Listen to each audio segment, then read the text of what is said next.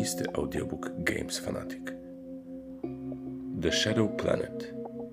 Cienisty odcień cienia. Tekst Piotr Propi Wojtasiak. Czyta autor. Mi, mi, mi, mi, mi, mi, mi.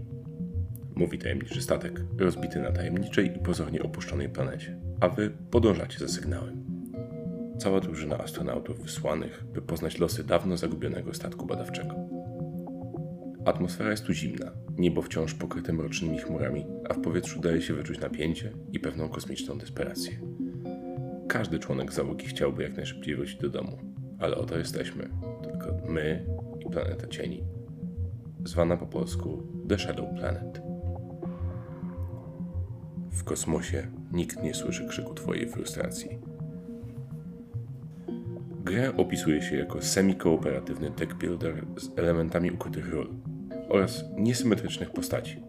Te barwne określenia sprowadzają się do tego, że gracze wymieniają się co turę postaciami, budując ich talię, by zrealizować swój ukryty cel. Skuteczność tej realizacji ocenia się na samym końcu rozgrywki, a do tego czasu gracze, przynajmniej z pozoru, współpracują ze sobą, by popychać historię do przodu i zbliżać grę do szczęśliwego końca. Dla kogo będzie on szczęśliwy, to się dopiero okaże. Miłe, chaotycznego początki. Z pozoru obsługa gry jest prosta. Na początku rozgrywki rozdajemy graczom ich role, naturalnie ukryte. Do wyboru są strażnik, obcy oraz dzielni astronauci rodem z amerykańskiego filmu. Każda rola ma do zrealizowania inny cel, na który kluczowy wpływ mieć będą zegary widoczne na planszy. Odliczanie czasu do końca gry, zagrożenie ze strony obcego i naprawa uszkodzonego statku. Każda rola wymaga innego końcowego ustawienia tych zegarów, by wygrać. Wpływać na ich obrót będziemy za pomocą jednej z sześciu postaci. Pierwszy gracz wybiera spośród pięciu z nich, gdyż jedną losowo usuwa z puli, resztę kart przekazując dalej i tak w kółko aż do ostatniego gracza, który dodatkowo bierze do ręki tę z początku usuniętą postać. Następnie w kolejności każda postać ma stały numer startowy od 1 do 6. Rozpatrywane są wszystkie postaci. Również te niewybrane przez graczy mają tutaj swoją rolę do odegrania. Aktywowana jest ich unikatowa zdolność, a karty stali wykorzystywane są do poruszania się po planszy. Aktywowana jest ich unikatowa zdolność, a karty stali wykorzystywane są do poruszania się po planszy, przeszukiwania talii lokacji i ustawiania ich w odpowiedniej kolejności, dobierania kart i uruchamiania akcji w sekcjach na planszy. Na koniec tury wszyscy gracze odrzucają po jednej karcie z ręki na stos, który następnie tasowany jest razem z talią podszeptów z cieni. Wykładanych na stół jest 6 kart, a następnie, zgodnie z prostym rachunkiem przewagi symboli na kartach, jeden symbol kontra drugi, obracane są trzy zegary na planszy. I tak sobie trwa gra. Tak długo, jak może. Co na stole? Co na stole? I co tak naprawdę dzieje się w rozgrywce? Jak buildujemy te deki i jak popychamy grę do przodu? I czy w ogóle mamy wpływ na jej zakończenie? Pola na planszy umożliwiają podglądanie talii lokacji, manipulowanie znacznikami postaci, wpływanie na zegary, dobieranie kart, wprowadzanie do gry pojazdu ułatwiającego poruszanie i rozmaite działania na taliach. Startowe talie mają po 6 kart i dość szybko okazują się niewystarczające do jakichkolwiek sensownych ruchów. Gracze próbują, niekiedy rozpaczliwie, wpłynąć na wynik gry, działając w sekcjach, które są albo trudno dostępne, bo wymagają dopasowania wielu symboli na kartach, albo zgoła niedostępne wcale, bo w deku postaci jest za mało kart ruchu lub dana postać już tę sekcję odwiedziła. Zdarzały się więc nam rozgrywki, gdzie część planszy była zupełnie ignorowana przez graczy, bo zwyczajnie nie dało się jak niej dostać. Przeskoczmy jednak na chwilę na sam koniec, bo może tak łatwiej będzie nam zrozumieć, do czego w grze dążymy i jak nasze dążenie zostanie podsumowane. Deus ex machina. Otóż po spełnieniu warunków zakończenia gry następuje przydzielenie postaci do graczy i wykorzystanie ich talii celem wpłynięcia na końcowy wynik. I tu jest clue całej sytuacji, gdyż przydzielona zostanie nam postać, której w trakcie gry używaliśmy najmniej. Gra wie o tym, jak często korzystaliśmy z danej postaci, bo na początku każdej tury dobieramy stosowny żeton z portretem tejże postaci. Gra daje nam na planszy możliwość manipulowania tymi żetonami. Zabrać, dołożyć, przełożyć na planszetkę innego gracza. Możesz więc, drogi graczu, spędzić całą rozgrywkę, cierpliwie budując talię rozmaitych postaci, dodając i usuwając karty, by na koniec nie wykorzystać tej talii, na której ci zależy najbardziej. Ba, możesz dostać zupełne barachło, którym nie tylko nie naprawisz statku czy nie ubijesz obcego, ale nawet nie zacerujesz dziurawej astronauckiej onucy. Co więcej, wszyscy gracze mogą wpływać na wszystkie talie, nawet w turze, kiedy nie kontrolują danej postaci. Sekcje na planszy umożliwiają bowiem wymianę, jakkolwiek losową, kart z ręką innego gracza. Możesz więc być zupełnie grzecznym astronautą czy nieszkodliwym obcym, nie przeszkadzać nikomu, a tu nagle jakaś obca siła wydrze ci kartę z ręki i zastąpi ją inną, bez wątpienia mniej atrakcyjną. Co gorsza, przypisywanie postaci na końcu ma również swój określony porządek i dana postać może do ciebie nie trafić tylko dlatego, że została wcześniej przypisana innemu graczowi. W przypadku remisu żetonów gracz ma prawo wyboru. Zaczynasz już czuć, do czego zmierzam? Suma summarum planetarium. Żeby podsumować te nieustannie kręcące się trybiki, zacznę od końca przeszkód, jakie stoją między graczem a realizacją jego celu. Inny gracz może wybrać postać, której chcielibyśmy użyć. Inny gracz może podrzucić nam żetony uniemożliwiające sensowny wybór postaci. Samo dobieranie kart na rękę niekoniecznie zawsze nam pomaga. Wszyscy gracze mogą dodawać i usuwać karty wedle swojej woli. Każda postać może stanąć w danej sekcji i wykonać jej akcję tylko raz w ciągu całej gry. Ruch po planszy jest kosztowny i okrążenie może zająć postaci całą grę. Podczas draftu inni gracze mogą wybrać naszą postać, nawet będąc pierwszym graczem, nie mamy wyboru spośród wszystkich postaci w grze.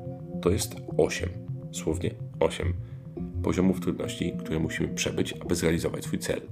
Sprzyjające wiatry w tej grze oznaczałyby, że możemy wybrać potrzebną nam postać, że w jej talii są karty pozwalające na szeroki wachlarz ruchów, że interesujące nas akcje nie zostały przez tę postać jeszcze wykonane, że gracze nie będą przeszkadzać w naszym budowaniu talii, że dobrane karty są zawsze po naszej myśli i że na samym końcu gry przydzielona zostanie nam właśnie ta postać, której deck zbudowaliśmy zgodnie z planem. To bardzo, bardzo dużo niezbędnych zbiegów okoliczności, a wciąż nie bierzemy pod uwagę tego, że przecież pozostali gracze cały czas realizują swoje plany i wchodzą nam nieustannie w drogę. Tak trudno kochać. Mechanicznie pewne rzeczy są tu ciekawie rozwiązane. Draft postaci, częściowo pokrywające się interesy ukrytych ról, ślepe odrzucanie kart przez postaci nieaktywne, czy przypisywanie graczom najmniej używanych przez nich postaci. To wszystko interesujące mechaniki, które wręcz krzyczą tu się dzieje. Tyle, że ruchomych elementów jest w tej grze tyle, że po głębszym zastanowieniu trudno jest wyobrazić sobie, jak ruch gracza w pierwszej czy drugiej rundzie może mieć jakikolwiek wpływ na końcowy rezultat gry, skoro jego plany mogą zostać pokrzyżowane na przynajmniej 7 sposobów. Choć oprawa graficzna jest tu wybitnie charakterystyczna i fani komiksów z pewnością poczują się mile połechtani, to obsługa gry nie jest wcale łatwa.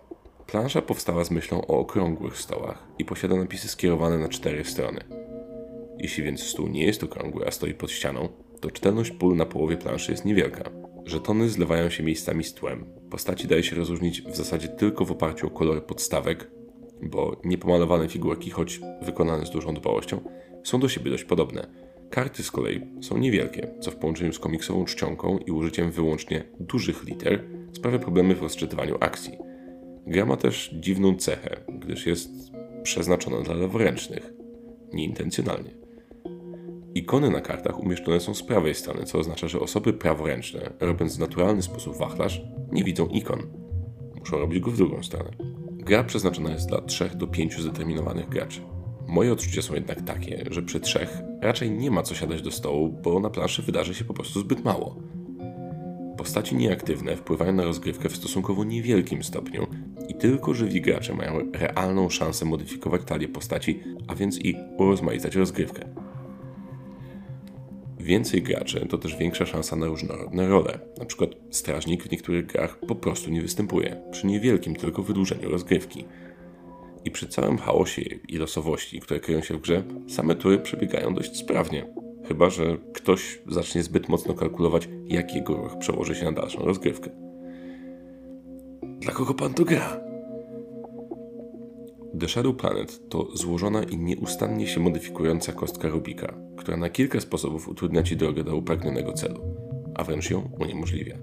Coś robisz, coś posuwasz do przodu, ale nie do końca wiesz, czy Ci to koniec końców pomoże, czy zaszkodzi. I czy jeszcze przyjdzie Ci zagrać postacią, której talię tak pieczołowicie pielęgnujesz.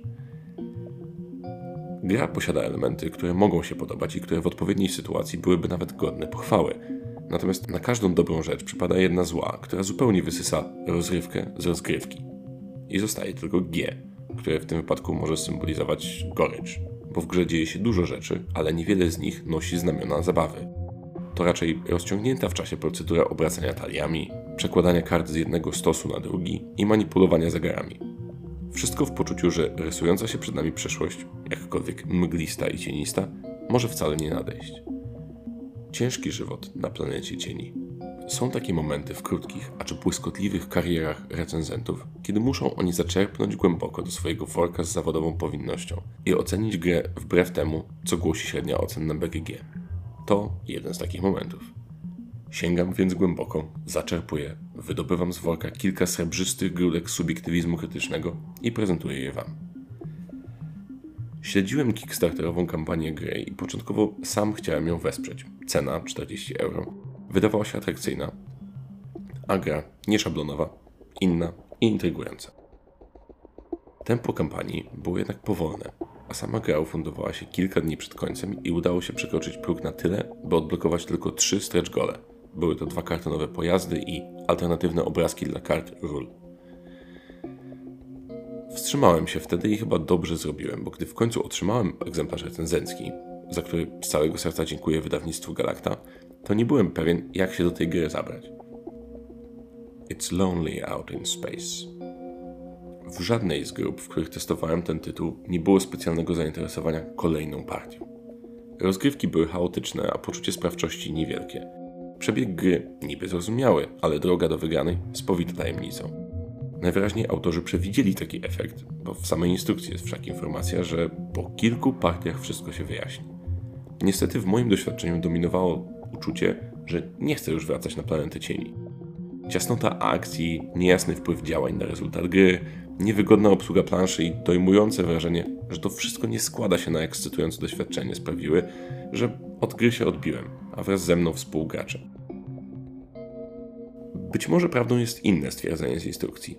Niniejsze zasady gry stworzono, aby ułatwić graczom wykorzystywanie ich talentów i wyobraźni. I chyba to jest klucz do tej gry i do tej recenzji.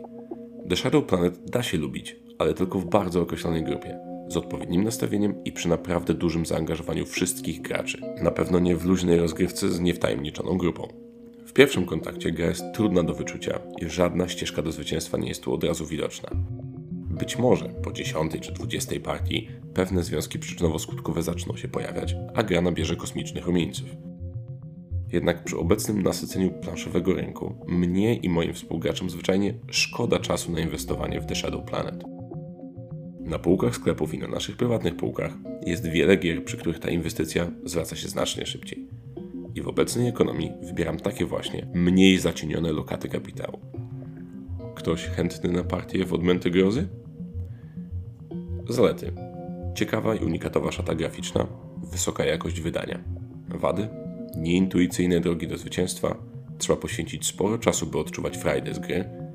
Średnia czytelność planszy na stołach innych niż okrągłe. The Shadow Planet to gra dla 3 do 5 graczy w wieku 13+. Potrzeba około 90 minut na rozgrywkę i w moim doświadczeniu drugie tyle na dyskusję na jej temat. Po więcej zapraszamy na www.gamesfanatic.pl. Do zobaczenia za trzecią mgławicą.